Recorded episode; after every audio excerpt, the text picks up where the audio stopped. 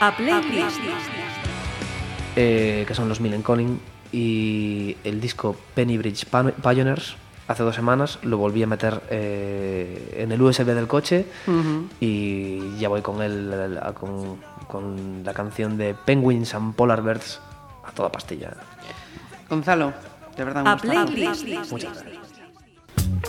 Como buen viernes que se tercie, en Pontevedra Viva Radio estamos ya con la playlist. Esta semana tiene nombre masculino, tiene nombre deportivo y tiene nombre seguro de muchas cosas interesantes que vamos a ir descubriendo. Luis Montes, bienvenido. Muchas gracias. Luis Montes, eh, vinculado a la Sociedad Deportiva Teucro. A estas alturas del, del calendario, ¿qué es lo que se hace como primer entrenador de esta plantilla? Bueno, Título en el que te pues- estrenas, además. Sí, sí, sí. Pues en estas alturas lo que, en lo que más se trabaja sobre todo es en la confección de la plantilla, que bueno, estamos en la recta final, pero todavía no está finalizada. ¿Cómo están siendo estas primeras semanas, casi o un poquito más de, de un mes, ¿no? De, Bueno, de esa están- designación. Están siendo intensas. Intensas. Intensas. Bueno. Eh, hay veces que los invitados vienen un poco nerviosos. A ver qué pasa, qué, eh, qué me van a preguntar. Mm, ¿Cómo se suele decir, Luis? Relájate y disfruta. De eso se trata. Luis Montes Pallarés, así un segundo apellido que a priori, mm, muy gallego, no, no parece. Cuéntame. Sí, sí, es gallego porque además ¿Sí? eh, sí, eh, tienes que quitarle la tilde, que como mi madre y su Ah, familia mira escuchan tú. el payarés. Me van a dar una eh, colleja. Perdón. ¿cómo se llama tu madre? Luisa, Luisa. Luisa Tocayas, además. Perdóname, ¿eh? Sí, pues es, es Payares. Y sí, sí, sí es gallego, de, de la LIN concretamente. Mm, O sea que de línea materna de la LIN y por parte paterna. De, de Pontevedra Salcedo. Ajá. Luis, eh, ¿más hermanos? ¿Eres No, no, soy hijo único? único. Eres hijo único. ¿Y cómo, cómo se ha llevado eso de estar? No sé si solo y con casa, con los primos, ¿cómo, cómo fue esa Bueno, infancia? ¿Cómo la eh, recuerdas? Sí, eh, eh, claro, la- no tengo tampoco cómo medir para comparar con, con cómo habría sido tener hermanos, pero bueno, bien, yo recuerdo una infancia muy agradable, muy feliz. La, la- la mayor parte de ella la pasé en Porriño, porque mis padres se mudaron allí cuando yo tenía dos años. Y sí tenía una prima que vivía a mi lado y que, que, bueno, evidentemente no éramos hermanos, pero sí que pasábamos. Era lo que muchas horas. hacía algo así parecido, ¿no? Esa compañía. Mira, decías, eh, esa infancia en Porriño, ¿hasta qué edad estuviste viviendo? Hasta los allí? 12 años. O sea, desde los Dos, dos, de a los los dos a los dos. doce, de- más Ujú. ¿Y, y qué recuerdas de, de Porriño? Bueno, pues recuerdo, eh, recuerdo un barrio, era, estábamos, vivíamos en un barrio pues de, de pisos de protección oficial, eh, un poco en, un barrio de, de Porriños, en, en Torneiros, que es- está un poco alejado del centro. Y, y bueno, pues tengo muchos recuerdos de eso, de, de jugar en la calle, de, de los trompos, de las canicas, de, de los partidos de fútbol hasta, hasta que nuestras madres salían por la ventana a llamarnos a cenar. Y, Sí, porque de aquella no valía lo de mandar un WhatsApp. no, no, no, no, no, no. Pero sí recuerdo, es una, una infancia muy, muy en la calle, ¿no? Em, porque mm, tus padres a qué se dedicaban, Luis? Pues mi madre dejó de trabajar al poco de, de nacer yo. eh, ella era administrativa y dejó de, de trabajar. Y mi padre es empleado de banca.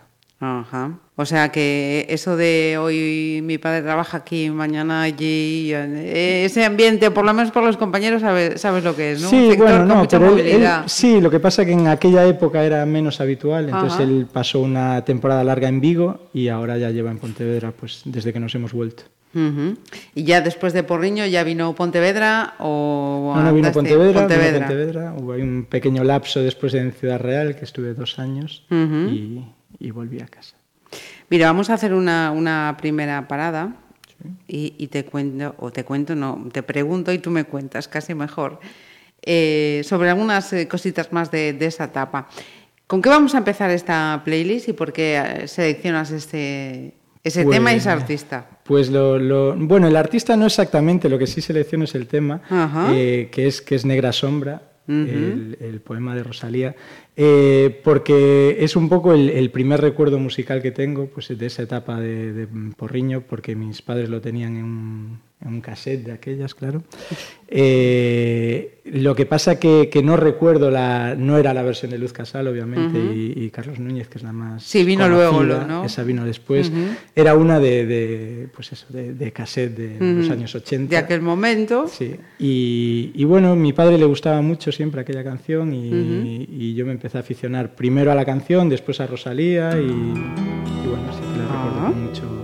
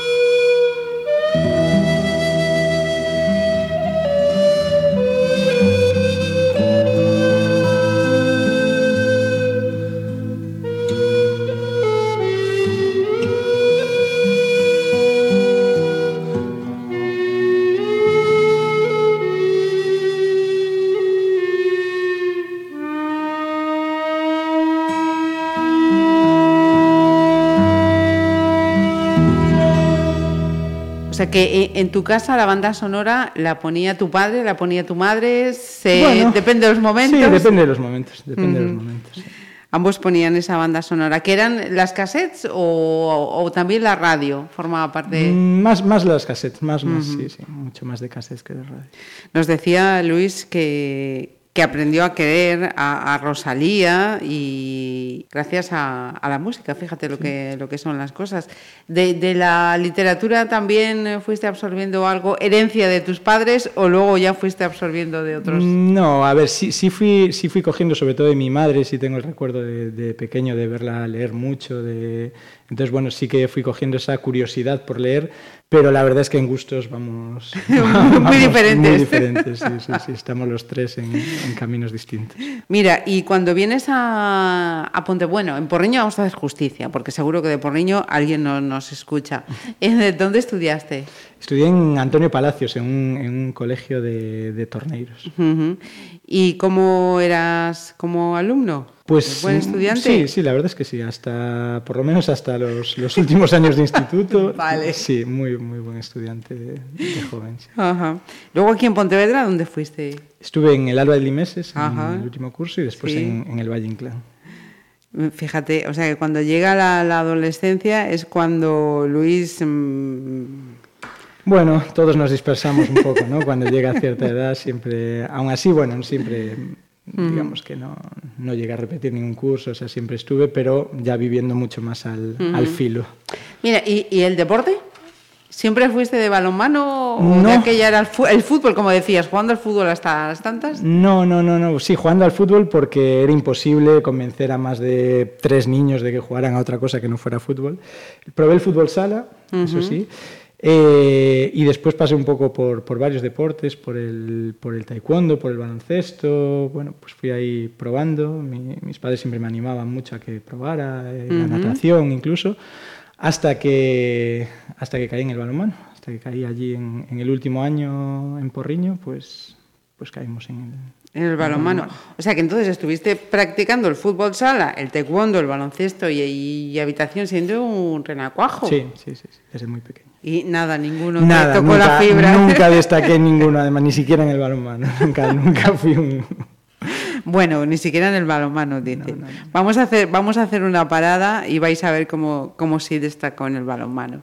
¿Con qué va la segunda selección, Luis? Bueno, pues, pues la segunda eh, ya es de, de la etapa esta en, en Pontevedra, al poco de llegar, que, que ahí descubrí a Rosendo, Ajá. con, con masculino singular sobre todo, que, que bueno, sí que empezó a, a interesarme mucho. Y también es curiosa la historia de, de cómo yo llegué a Rosendo, pues eso, con Cuéntamela. 16 o 17 años, cuando eh, se editó un, un disco que se llamaba Agradecidos, Ajá, sí. donde había un montón de, de artistas, que además alguno me, me gustaba y estaba muy de moda en aquellos momentos. Y yo no sabía quién era Rosendo, pero, pero viendo aquel disco era como, este tío tiene que ser muy interesante para que, para que tanta gente se junte y le dé las Y- gracias. ajá. ¿no? Y, y bueno, a partir de ahí empecé a, a interesarme un poco más por él y la verdad es que siempre es uno de mis artistas predilectos. Pues eh, fijaos, menudo cambio de, que- de ese tema clásico de, de Carlos Núñez, nos vamos a Rosendo Mercado, nada más y nada menos.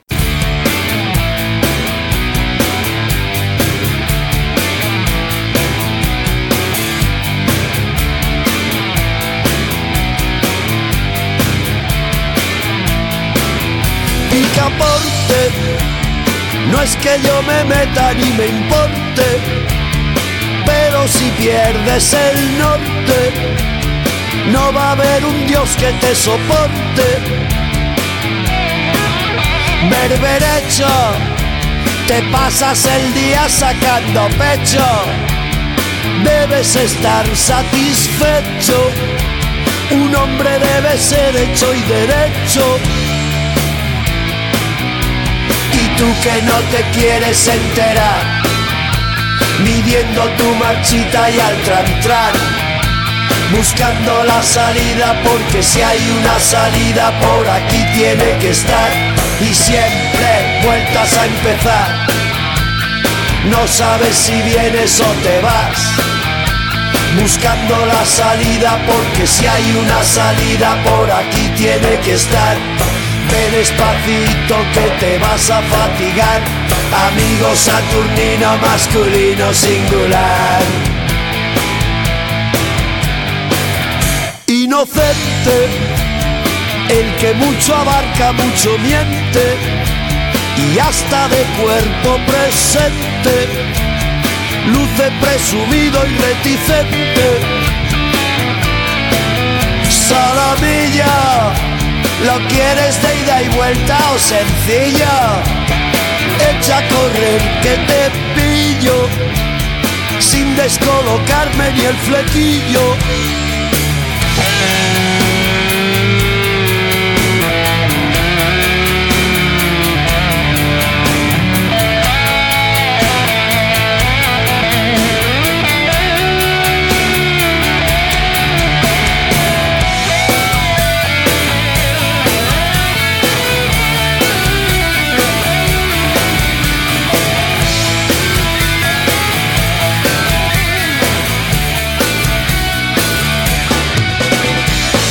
Que no te quieres enterar, midiendo tu marchita y al tran buscando la salida porque si hay una salida por aquí tiene que estar y siempre vueltas a empezar. No sabes si vienes o te vas, buscando la salida porque si hay una salida por aquí tiene que estar. Ve despacito que te vas a fatigar, amigo saturnino masculino singular. Picaponte, no es que yo me meta ni me importe, pero si pierdes el norte, no va a haber un Dios que te soporte. Picaponte, no es que yo me meta ni me importe, pero si pierdes el norte, no va a haber un Dios que te soporte. Picaponte, no es que yo me meta ni me importe, pero si pierdes el norte,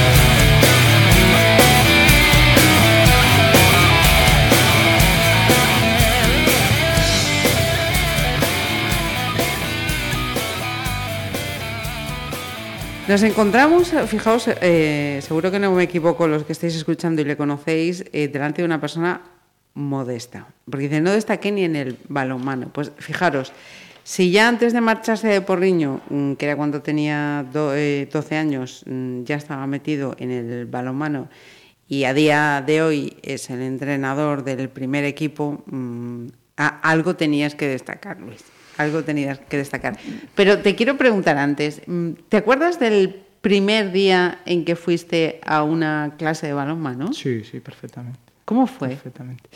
Pues yo iba con la, con la intención de, de jugar de portero, porque yo era portero de fútbol sala y me gustaba el tema de la portería.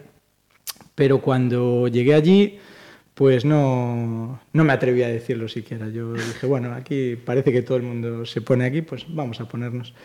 Y, y vi que era más divertido realmente estar, o me resultaba más divertido estar en el campo que, que estar en la portería.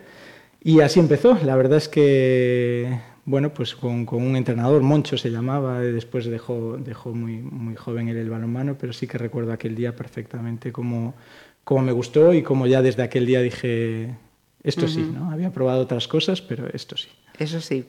Y, y cuando vienes a Pontevedra, ¿cómo son los primeros contactos con el balonmano aquí en Pontevedra? Bueno, pues fueron con el Teucro precisamente. Yo eh, venía de hacer balonmano en Porriño y, y al, al llegar a Pontevedra pues nos fuimos al pabellón municipal eh, a, pues a, a ver cómo se podía jugar al balonmano en, en Pontevedra y, y allí caímos en, en el Teucro.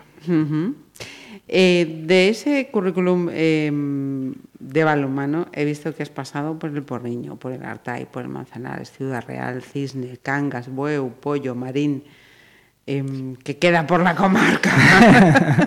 y, y fuera, claro, Ciudad Real, Manzanares, en Sí, fin. sí, sí, sí. Bueno, Ciudad Real fue por, por otros motivos que caí allí y, y, y fue eso, una estancia de cerca de dos años.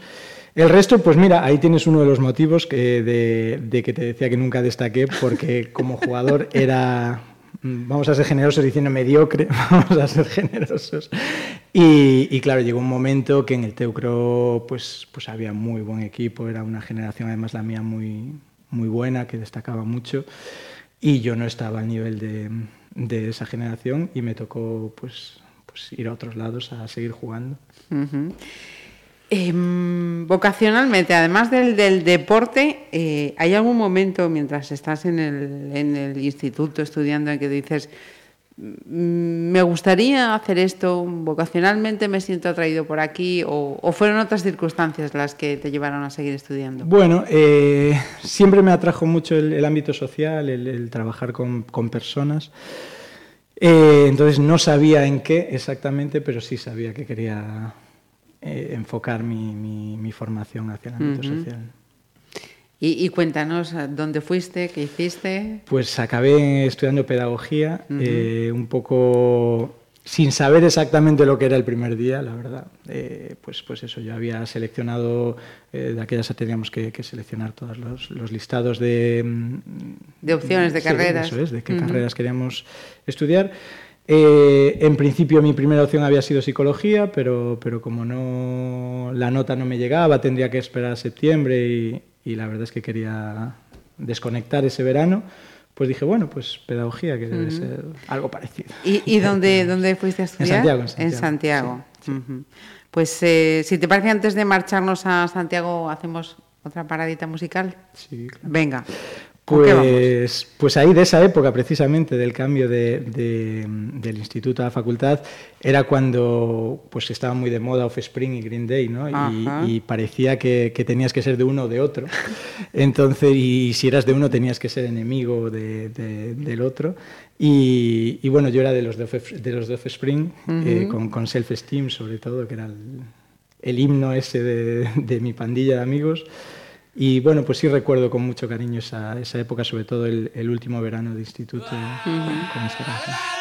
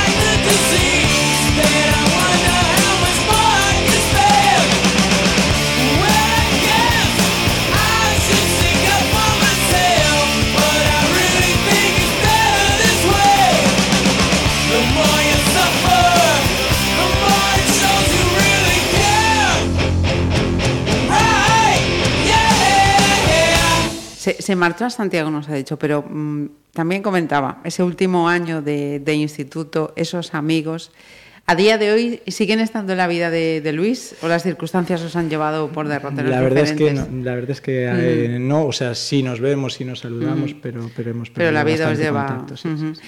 Y, y el salto a Santiago, eh, hacer esa vida, no sé si, cuéntanos, independiente, si marchas a, allí a Santiago y quedas allí o si vas y vienes, ¿cómo Pues, es? pues precisamente por el balonmano, porque de ahí ya tenía, ya tenía la locura del balonmano dentro del cuerpo, ¿no?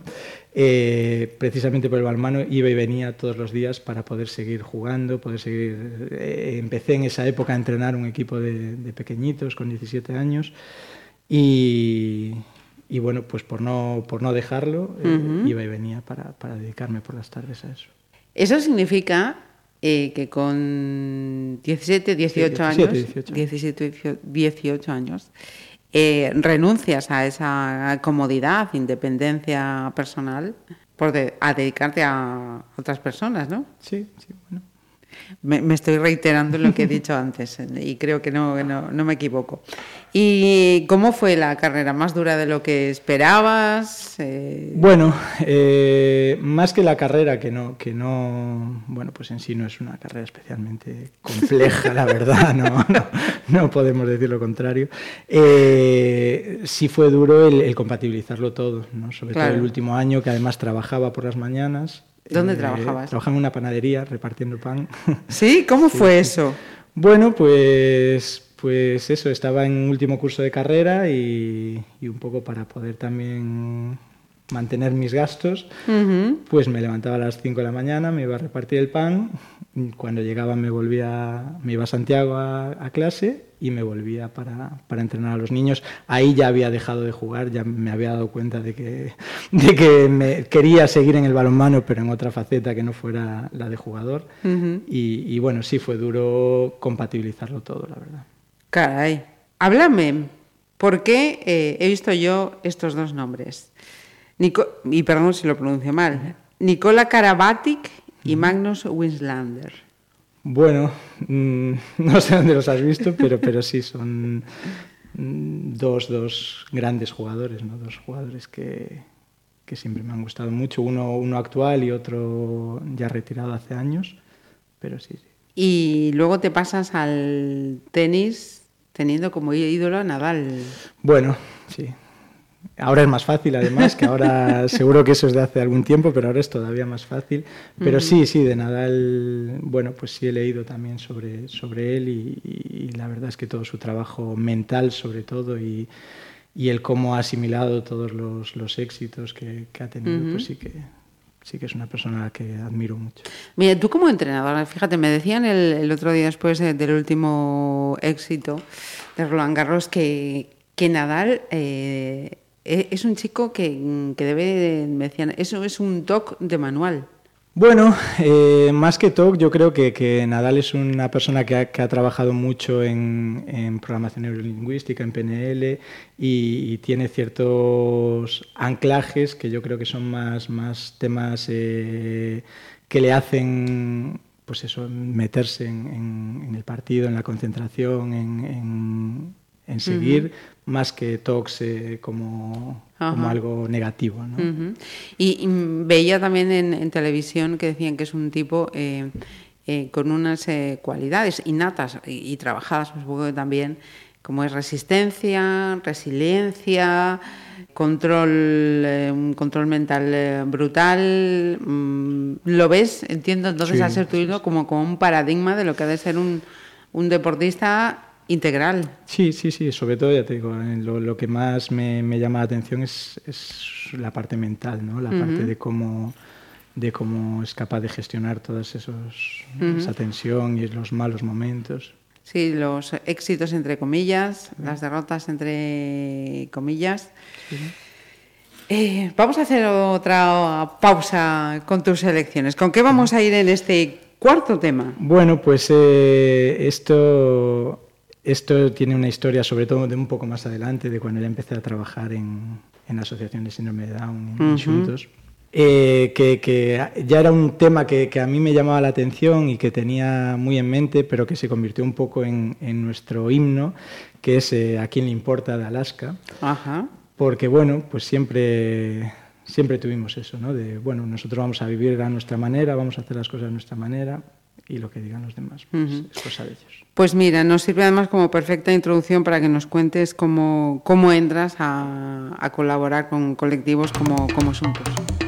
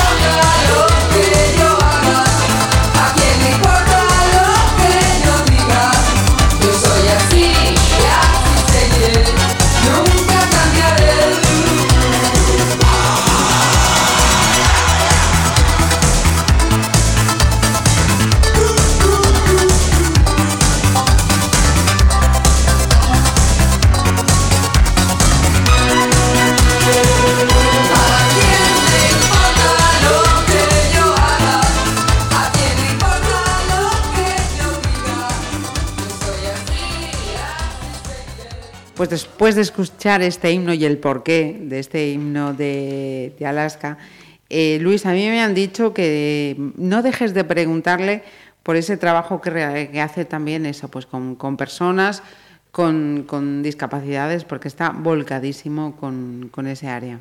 Sí, sí, bueno, son ya 12 años. 12, 12 años. 12 años en Xuntos. Eh, uh -huh. con eso, el pequeño periplo es en, en, Ciudad Real, pero donde no dejaba de estar totalmente desvinculado, pero, pero sí, desde, desde 2006. Uh -huh. Y bueno, pues yo estaba, al acabar la carrera me puse a trabajar en, en un supermercado, en, aquí en Mercaplaza, lo podemos uh -huh. decir, para, sí. para, bueno, pues porque lo tenemos aquí al lado. Pero llegó un momento que, que, bueno, yo había estudiado pedagogía y quería dedicarme también a lo que había estudiado. Uh -huh.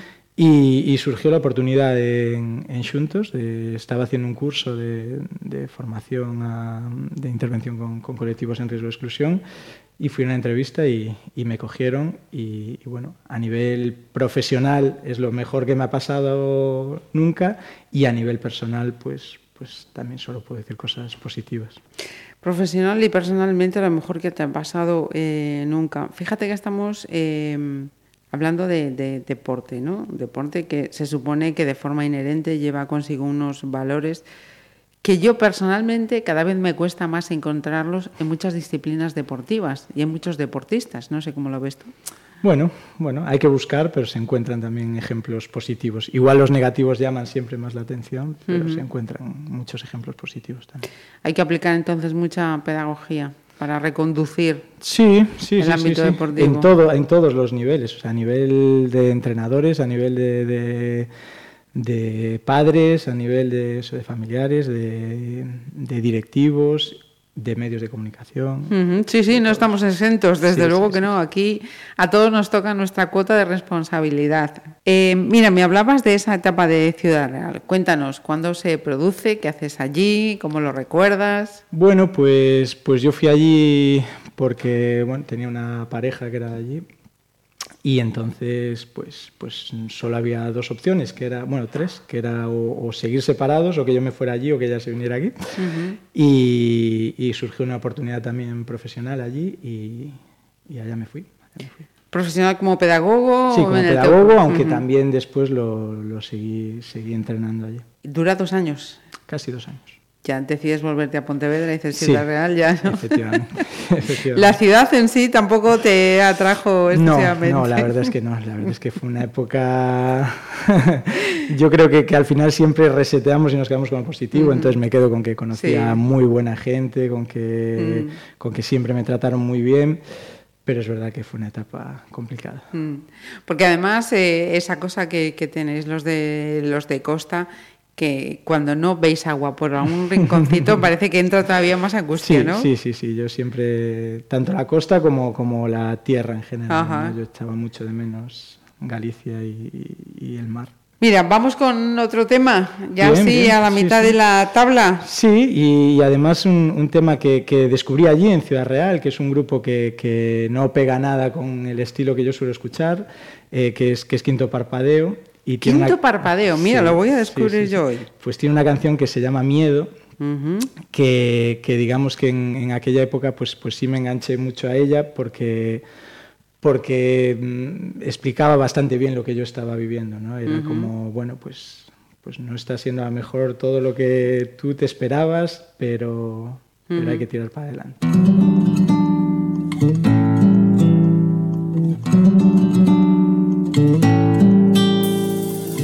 Recuerdas nubes de un soplido frío y haces fe en tus escaleras. De todas las maneras que existen tú, eras la más temblorosa. Miedo, caminar, continuar y encontrar de cara la mirada. Miedo, hacerlo mal, hacerlo bien, hacerlo normal y que me dé la espalda. Miedo, a respirar más alto del honor. Miedo. Miedo, caminar, continuar y encontrar de cara la mirada. Hacerlo normal y que me dé la espalda. Miedo a dar un paso adelante y quedar atrás. Pero que esperas de mí, si le tengo miedo al miedo no te calles, mírame, mírame en la cara y hazme sonreír. Que la risa suave cuando las miradas de reojo se te clavan si te quedas al suelo y te quedas ciego. Miedo a la oscuridad y a la mirada de los demás. Dicen que esperan de mí, que miran, que dicen que esperan de mí, que miran, que dicen que esperan de mí, que miran, que dicen que esperan de mí, que miran, que dicen que esperan de mí, que miran, que dicen que esperan de mí, que miran, que dicen que esperan de mí, que miran, que dicen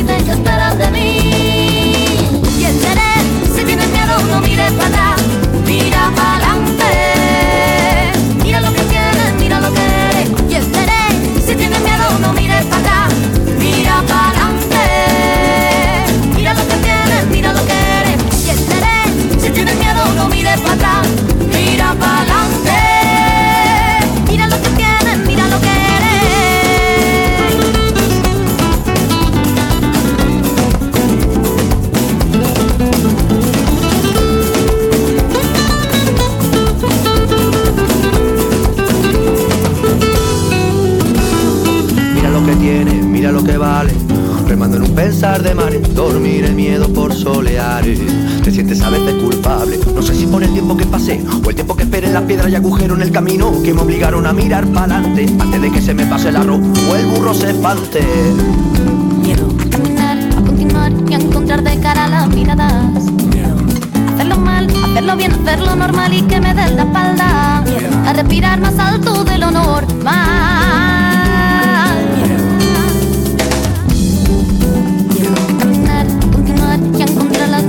De espalda. Hablar de más, hablar detrás y huir de que vas cuando giras la cara. Miedo a dar un paso adelante y quedar atrás. Despierta. Que miran, que dicen, que esperan de mí. Que miran, que dicen, que esperan de mí. Que miran, que dicen, que esperan de mí. Que miran, que dicen, que esperan de mí. Que miran, que dicen que esperan de mí, que miran, que dicen que esperan de mí, que miran, que dicen que esperan de mí, que miran,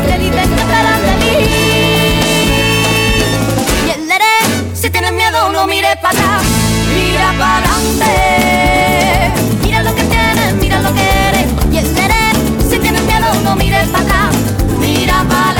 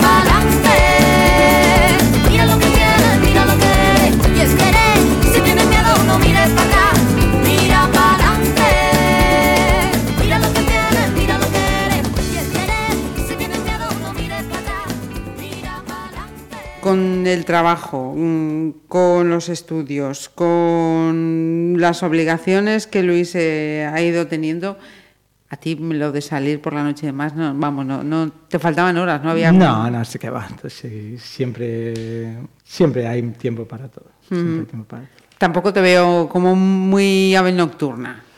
Bueno, depende. Ha, ¿Sí? ha habido épocas, claro, ha habido épocas. Ha habido épocas en las que más y épocas en las que menos.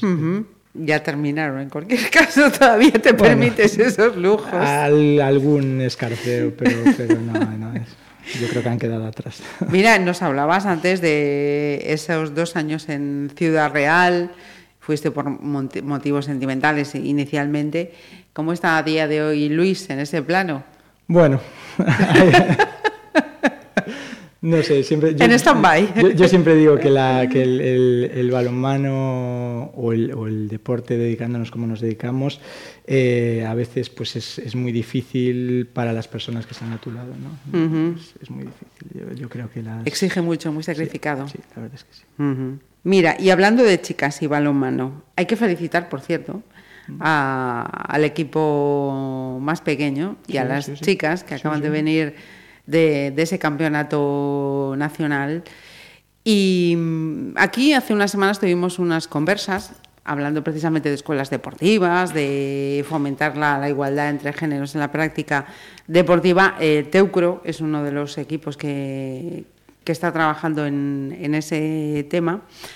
Pero tú, ¿cómo lo ves? ¿Todavía queda mucho por, por trabajar? Bueno, sí, queda mucho, queda mucho eh, a todos los niveles, eh, sin ir más lejos a nivel profesional, eh, las diferencias salariales entre, entre el balonmano, por, por, por poner lo que, lo que más conozco, ¿no? La diferencia salarial entre un equipo de élite masculino y un equipo de élite femenino es, es abismal. Cuando el sacrificio es el mismo, el esfuerzo es el mismo, la dedicación es la misma y, y la verdad es que sí, nos queda mucho. Nos queda mucho. Pero tenéis un ejemplo ahí estupendo con estas niñas, ¿eh? Sí, efectivamente, con, con las niñas y con su entrenadora, tanto, tanto sí. Laura como las, como las chicas, la verdad es que han hecho un año increíble y, y bueno, ya, ya han llegado. han. Hacemos otra paradita, venga. Bien, pues sí, la, la otra parada también es un, un estilo que a mí no, no, me, No te no me engancha. encaja mucho, ¿no? Pero, pero bueno, sí tiene una historia muy bonita detrás con, con el balonmano Porriño, que fue mi vuelta de Ciudad Real, fue a, a Porriño. A Porriño, Sí, al balonmano Porriño, aunque volvía xuntos a, a Pontevedra a trabajar, pues, pues iba a entrenar a Porriño. Y bueno, tenemos ahí una, una aventura muy bonita con, con el hombre merengue de, de Quinito Mm. Méndez, que, pues que se convirtió ese año en, en nuestra canción predilecta y creo que, que las veintitantas personas que formábamos parte de aquel grupo, aún a día de hoy la recordamos con, mucho cariño. A un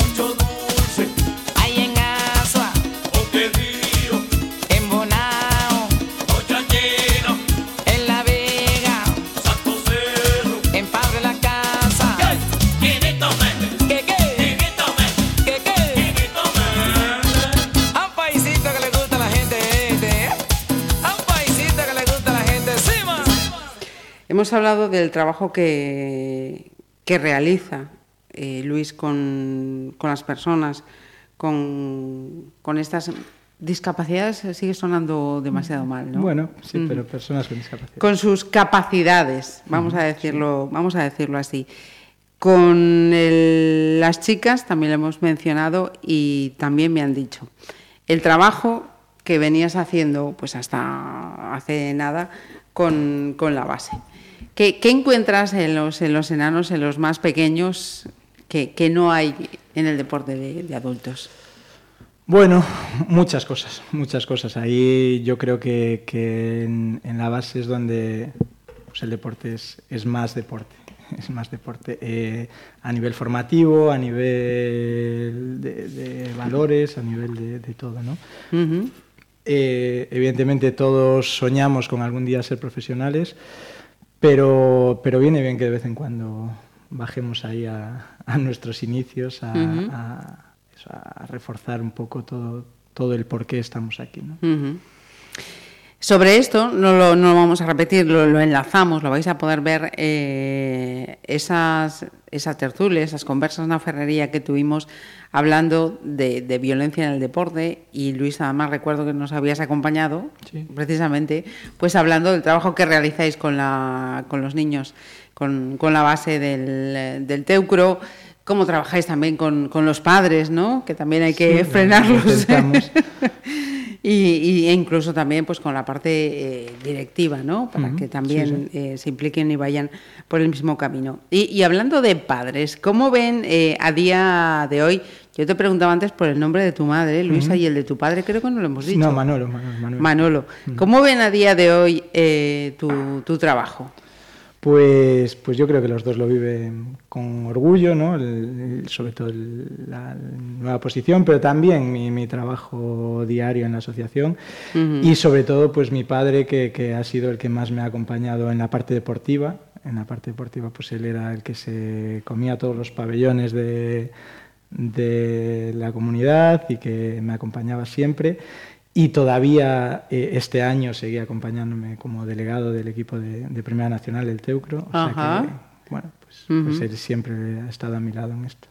Y, y cuando les comunicaste, oye, que me han dicho que tengo que ser el entrenador de- del primer equipo, ¿qué dijeron? Bueno, bueno, pues, pues un poco lo que yo, ¿no? Em, Bueno, piénsalo, eh, valóralo y, y aquí estamos para, para apoyarte en lo que decides.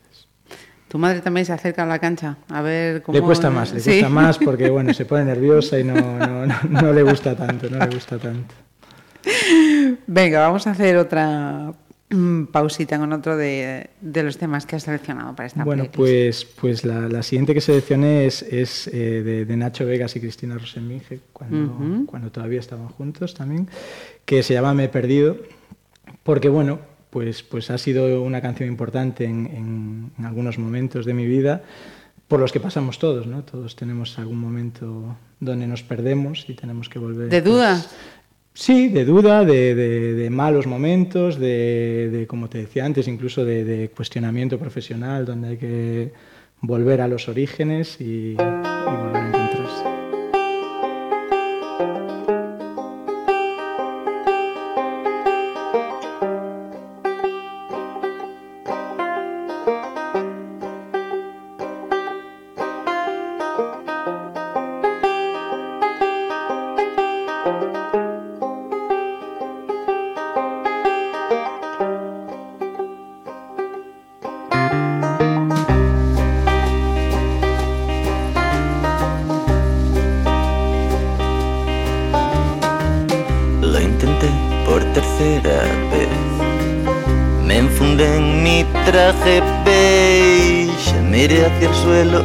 Santigüé.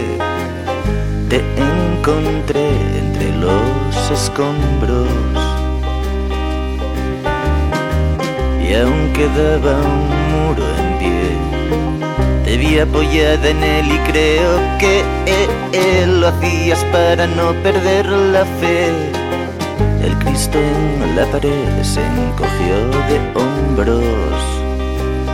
Y tú con tu voz, esa voz y tu pálida piel, con el brillo en tu pelo del trigo, con ese otro brillo que imagino tras tu abrigo. Pasaste estos últimos inviernos al calor de un infierno construido en el amor para acabar en demolición. Ahora ya estás advertido, no te fíes de un animal herido y que te iba diciendo yo. Me he perdido.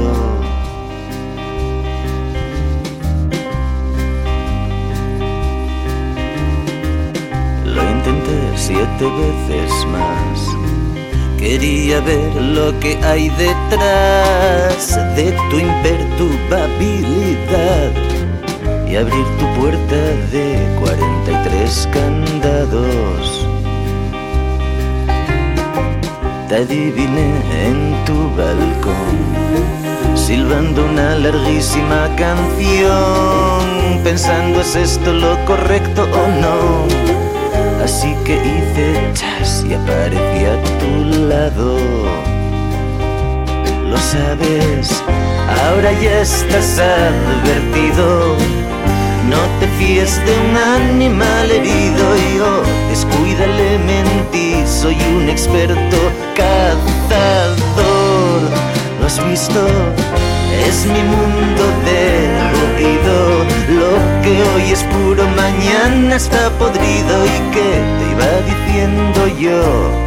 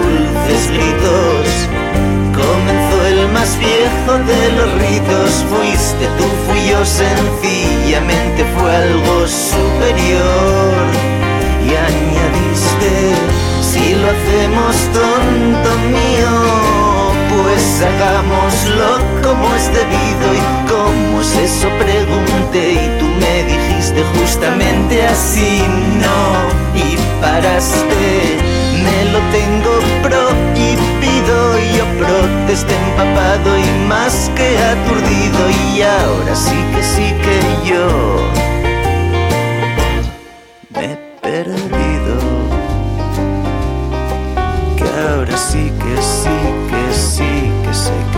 perdido. Porque solo es pensar en ti y acabar perdido.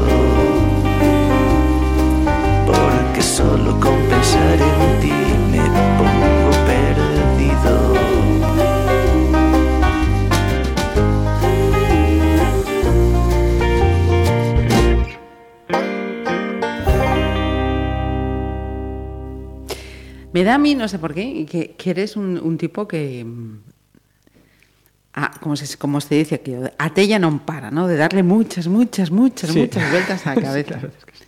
¿Sí? Sí, sí. Muy, muy reflexivo, muy exigente contigo, porque Bueno, reflexivo, sí, exigente. Al final uno puede ser exigente hasta donde puede ser con uno mismo, ¿no? Como al final no, no te perdones a ti mismo, estarías flagelándote todo el día. Ujú. Pues eh, que conste que esa asignatura todavía pienso que hay mucha gente que no la tiene superada, ¿eh? Si uno no, no se perdona y no se quiere a sí mismo, eh, malamente vamos, Sí, ¿no? sí, Son cosas que luego van, van pasando. Fíjate, y salía, qué casualidad, eh, teníamos también estas, estas semanas a, a Núñez, que fue coach del, sí, del. Teucro, fíjate, y, y nos, nos decía eso, ¿no? Que a, a veces entre los deportistas de élite eh, surgen eh, momentos más, más oscuros, que no, no, no tienen por qué ser oscuros, sino momentos de depresión. Hablábamos del caso eh, Iniesta y precisamente decía eso, ¿no? Que, que a veces si uno no se mira a sí mismo, no está satisfecho consigo mismo, las cosas al final caen por su peso. Sí, sí, sin duda. Y, Diego además es, es un ejemplo en, creo que hacerlo bien, pero sobre todo en enseñarnos a los demás mucho de, de toda la parte de gestión emocional, sobre todo él, él es, un maestro en eso. Sí, no, me parece una persona impresionante. Eh, mira, ¿qué tiene, ¿qué tiene Escocia? Cuéntame, porque he visto eso yo por ahí. Bueno, pues Escocia... No, no, os- no os asustéis que los datos que dirán, ¿cómo está info? No, no, no es que mm, la página del Teucro te cuenta muchas cosas. No, Escocia, bueno, sí, siempre fue un sitio predilecto, fundamentalmente porque tengo una, una especie de filia con las vacas, ¿no? Y, y Sí. desde que mis abuelos tenían, tenían vacas en, en Lalín eh, y yo iba allí los veranos a pasarlos con, con ellas. Y veía, pues desde pequeño, que, que Escocia era un sitio muy parecido a Galicia, que me recordaba mucho, pues las vacas, que me recordaba mucho el verde, el paisaje. Y, y bueno, pues hasta que pude ir no, no me quedé tranquilo y, y efectivamente en directo, pues, pues me, me No enamoré defraudó, todavía más ¿sí? de lo que, de lo que, de la expectativa que tenía. ¿Cuándo fue ese viaje a Escocia? Pues fuera como cinco años más o menos. Ujú. Después de repetir, claro. Claro, sí, sí.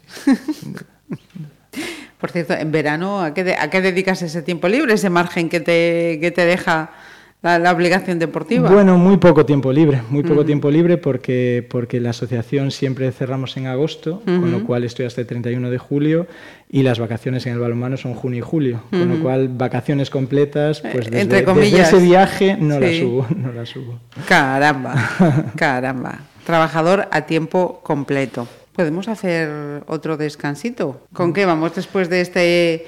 Ahora me dices, una canción que escuché en Irlanda y No, ya me, no, me, no, me cuadras el círculo, vamos. No, no, no, es, es, es un grupo que, que conocí un poquito después, eh, por, por esa época más o menos, pero que es Calle 13, que, que, bueno, pues ya te digo, no los conocía, un día en, en- pues me- me invitaron a ir a un concierto, me dijeron, oye, pues vente que vamos a ver este grupo y tal, no los conocía de nada, y allí pues, pues me llamaron mucho la atención, sobre todo esta canción, El Hormiguero, pues, pues eso, todo lo que transmitía este grupo y especialmente esta canción en, en sus letras.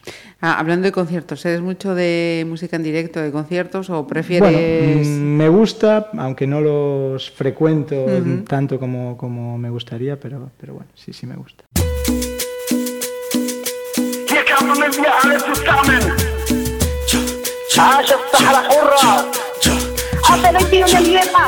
Aquí tutti luttiamo juntos. Qui tutti luttiamo insieme. Ici on lutte tous ensemble. Aquí todos luchamos juntos. Aquí llegaron las hormigas, vamos conquistando tierras enemigas, invisibles, silenciosa y simultánea.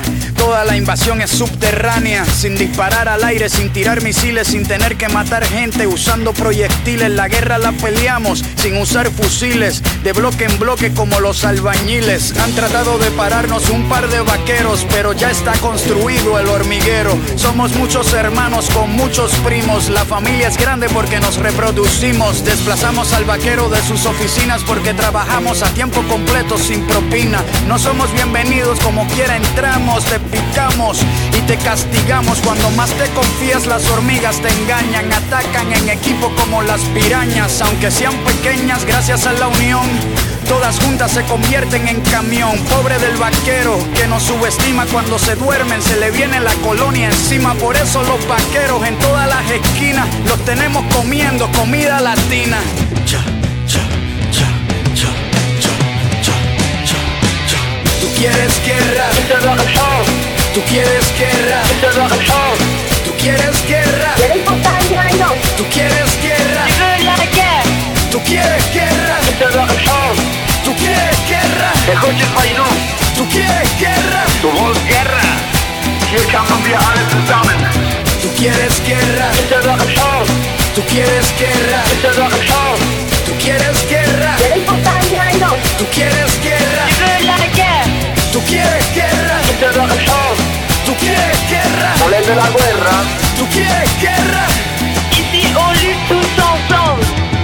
Las hormigas pueden contra cualquier gigante, entran por la trompa de cualquier elefante, los derrumban sin que la sangre les salpique, ácido fórmico pa' que les pique, no te confíes si la picada no te arde, la quemazón de la picada la sientes más tarde, aunque tengas botas, baquetas y sombrero, hay muchas hormigas y pocos vaqueros, los humildes se comieron a los nobles, para el 2020 vamos a hacer el doble, aquí no hay racismo, no se trata de raza, si trabajo aquí pues aquí tengo mi casa. Ser imparcial de eso es que se trata. Hay que compartir los dulces de la piñata. Ahora, si el vaquero nos maltrata, puede ser que a las hormigas les salga lo de zapata. En equipo se resuelve cualquier contratiempo. Cuando te picamos, picamos al mismo tiempo. Sobre nuestra unidad no debe haber preguntas. Frente al peligro, las hormigas mueren juntas. Tú quieres guerra.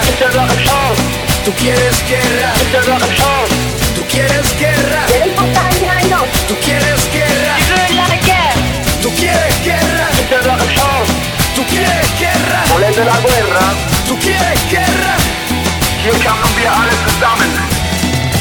Un país durmiendo es un país desierto. Mi gobierno se asusta cuando me despierto. Pueden tirarse hasta los federales. Somos 600 millones sin contar los ilegales. Entre las patas nunca escondo el rabo. Prefiero morir como rebelde que vivir como esclavo. Apuesto que los tuyos se rinden primero porque los soldados míos no pelean por dinero. No le tengo miedo a las confrontaciones porque yo me crié con invasiones y como las hormigas si tengo mala suerte defiendo mi hormiguero hasta la muerte. de llamar al pueblo mexicano todo a luchar. Hasta conquistar la verdadera independencia. Y amigos míos, está planteada una luz. Patria o muerte. Hay el derecho. ¡Viva Latinoamérica unida! Tú quieres guerra, tú quieres guerra, tú quieres guerra, tú quieres guerra, tú quieres guerra, tú quieres guerra, Voler de la guerra. tú quieres guerra, عاش الصحراء حرة. tú quieres guerra, tú quieres guerra, tú Y yo, buena chaval. ¿Tú quieres guerra? Mejor el Bailón. ¿Tú quieres guerra? Del Trujillo. ¿Tú quieres guerra? Tu voz guerra. Vamos a medirnos a ver quién es más bravo. ¿Tú quieres guerra? Este es la razón. ¿Tú quieres guerra? Este es la razón. ¿Tú quieres guerra? ¿Tú quieres guerra? ¿Tú quieres guerra? Esta es la razón. ¿Tú quieres guerra? Ponete la guerra. ¿Tú quieres Siguiendo con esos eh, datos, por cierto, vamos a hacer un acto de, de justicia. ¿Quién hizo esa entrevista para ese perfil de la web del Teucro? ¿Recuerdas? Uh, pues no lo recuerdo, la verdad es que no lo recuerdo. Eh, Voy a dar unas cuantas pistas. A cada uno lo, lo suyo. pudo, pudo ser, pudo ser Edu Agulló, que, que- que es nuestro jefe de prensa, pero no sé si en aquel entonces lo era. Puede ser. Si, Pues- si creéis que está bien hecha, fue Edu, seguro. Pues Eduardo, me has dado unas cuantas buenas pistas. Una de ellas, otras aficiones de, eh, que tienes. Eh, la literatura, ya decías al principio que fuiste por unos derroteros diferentes a, la- a la lectura que tenían eh, tus padres. Si te pregunto por, por un libro que ahora mismo te venga a la memoria entre los que te han marcado, te han dejado huella, ¿cuál sería? No sé si va a cuadrar con, con la entrevista esa, porque yo hace mucho, la, la hice hace mucho y no lo sé, pero el primero que me viene es Asmorga, Ajá. Asmorga que, que, que bueno, pues que siempre me gustó, que después eh, vi la película y también me gustó, que después vi la obra de teatro del Centro Dramático Galego y también me gustó, o sea que es, bueno, pues me gusta mucho. Y el cine. También, también, sí. ¿Y un título? ¿Qué tipo de cine te gusta? Pues muy variado, la verdad es que depende del momento. La Mm. verdad es que depende del momento. Eh, pues no sé si tuviera que decir una película. eh, La Porque Naranja desde La Naranja Mecánica, perdón, mucho, sí, de o- Kubrick, sí. sí, pero, pero en otro estilo, por ejemplo, Un lugar en el mundo, me, gusta mucho. Mm, Amélie, no sé, un, montón de. Son géneros muy cosas diferentes, por ¿eh? eso, sí, sí, por eso te digo que depende mucho del momento, ¿no? Cuando, cuando, sobre todo en casa, cuando vas a ver una película, pues depende de en qué momento, en qué estado te Sí, encuentres. cierto. pues- es pues- como la música, como el vestirse cada día. Efectivamente, depende de cómo de cómo se levante eh, cada uno. Eh, pues fijaros, y con esto te iba a preguntar, que ya se me iba a mí la pinza, ¿eres de ir a la sala de cine o prefieres eh, las posibilidades que se ofrecen ahora para ver tus películas en casa tranquilamente?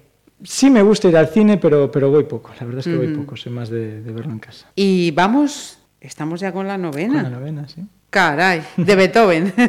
No, no, no. Cuéntanos. Pues la novena, la novena eh, bueno, yo tengo un hijo de tres años y, y cuando él nació, pues, pues recuerdo eso, con estar haciendo la tontería del Rey León de, de la chigüeña con, Sí. con Simba, pues, pues entonces el ciclo de la vida pues es, es un poco el culmen de, de- de esa parte de, de mi vida. Fíjate, ese, ese dato no lo tenía yo, un niño de tres años, o sea que está en un momento deliciosísimo. Sí, sí, la verdad es que sí. ¿Cómo se llama la criatura? Gael. Gael.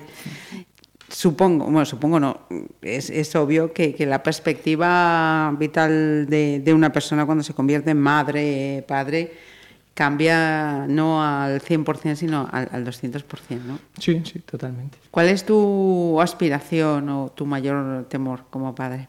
No, eh, temor eh, ninguno. O sea, Ujú.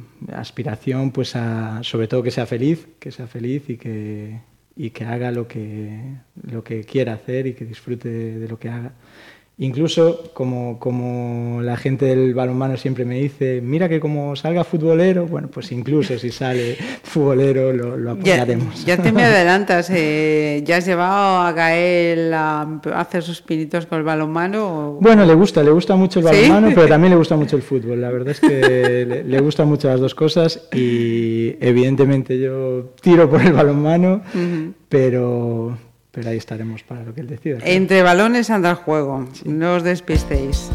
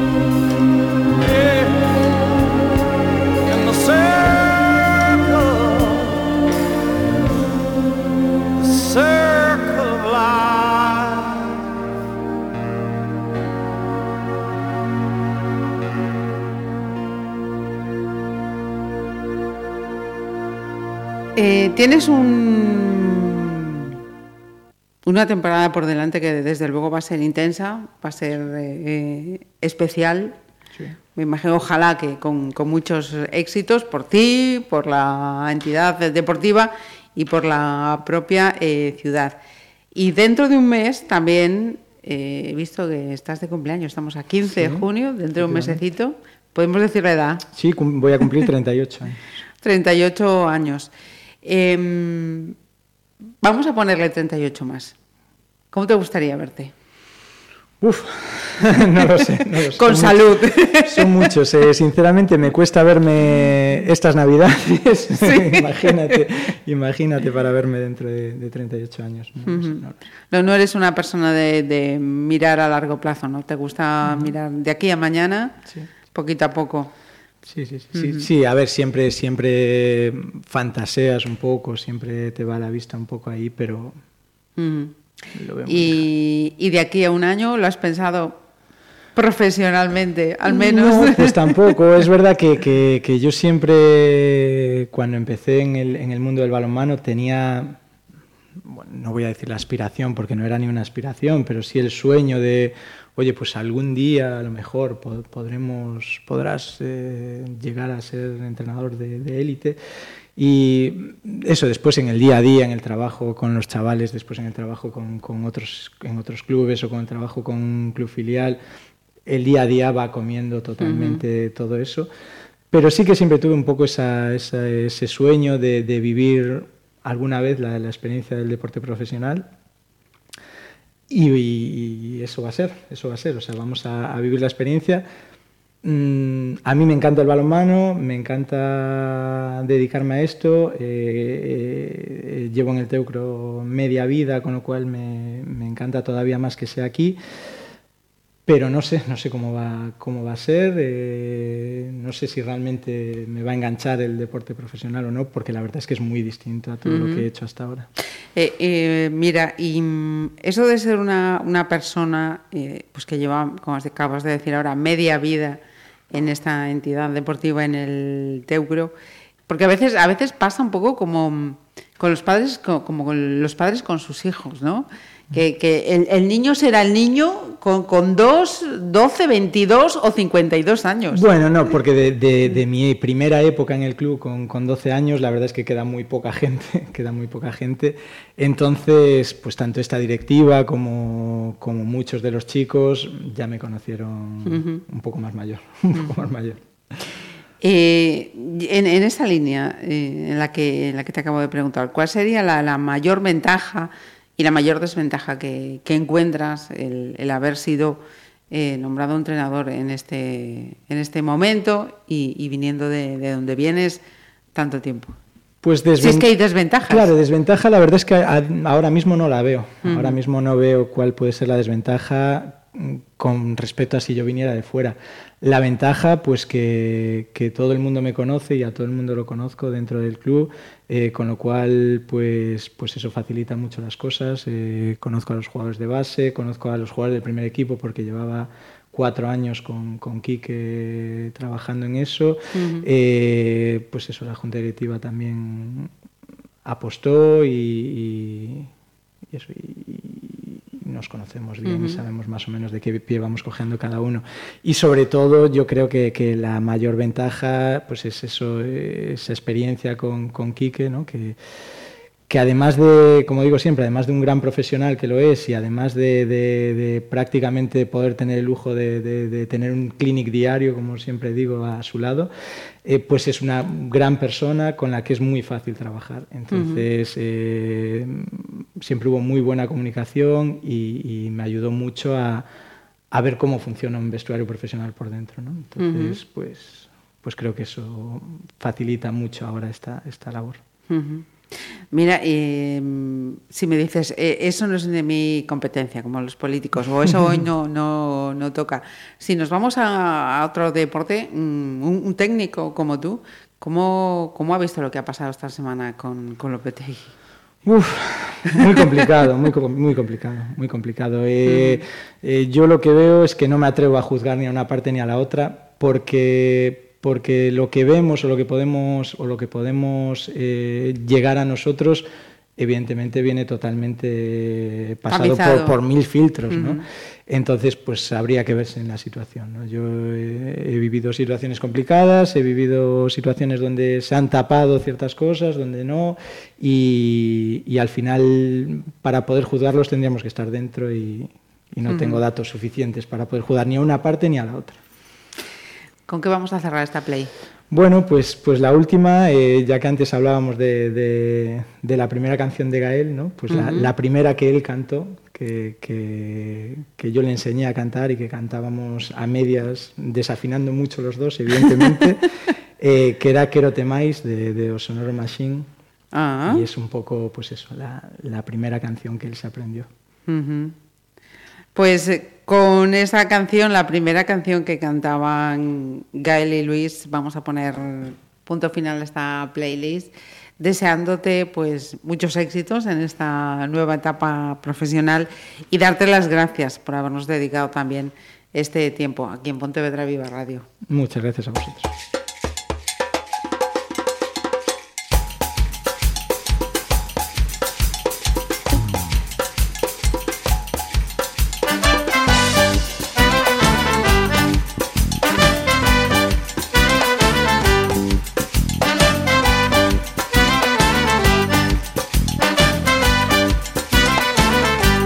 teño soños de colores Cando non podo dormir Sigo esperto toda a noite e non deixo de bulir. Dando voltas no meu leito teño gañas de voar. Saime o corazón do peito, sei que a poderás toupar Cando facemos o pino, a limpar no ceu os pés Ou botamos a turuxos antes de que pase o tren. Cando chego a pulseira feita con mil alegrins Miro te os ollos de cote pra poderche así dicir. Quero te máis, quero, quero te máis Que a tortilla de patacas con xamón Quero te máis, quero, quero te máis Cada vez que me la deixo o corazón.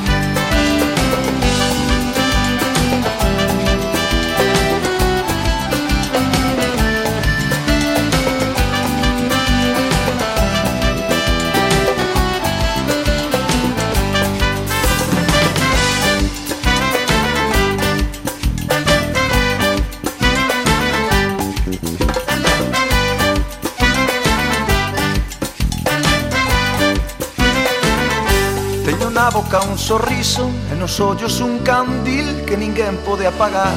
Cando corre xunto a min o meu corpo trementeiro Tremen pernas, tremen mans, saime o corazón do peito Sei que a poderás toupar a pintar arcos da bella de colores polo ar. Cando escribes o meu nome nun espello nun cristal. Ao encendermos unha radio este son poder ouvir. Mírote os ollos de cote pra poderche así dicir. Quero te máis, quero, quero te máis Que a tortilla de patacas con xamón Quero te máis, quero, quero te máis Cada vez que me latexa o corazón Quero te máis, quero, quero te máis Que a tortilla de patacas con xamón Quero te máis, quero, quero te máis Cada vez que me latexa o corazón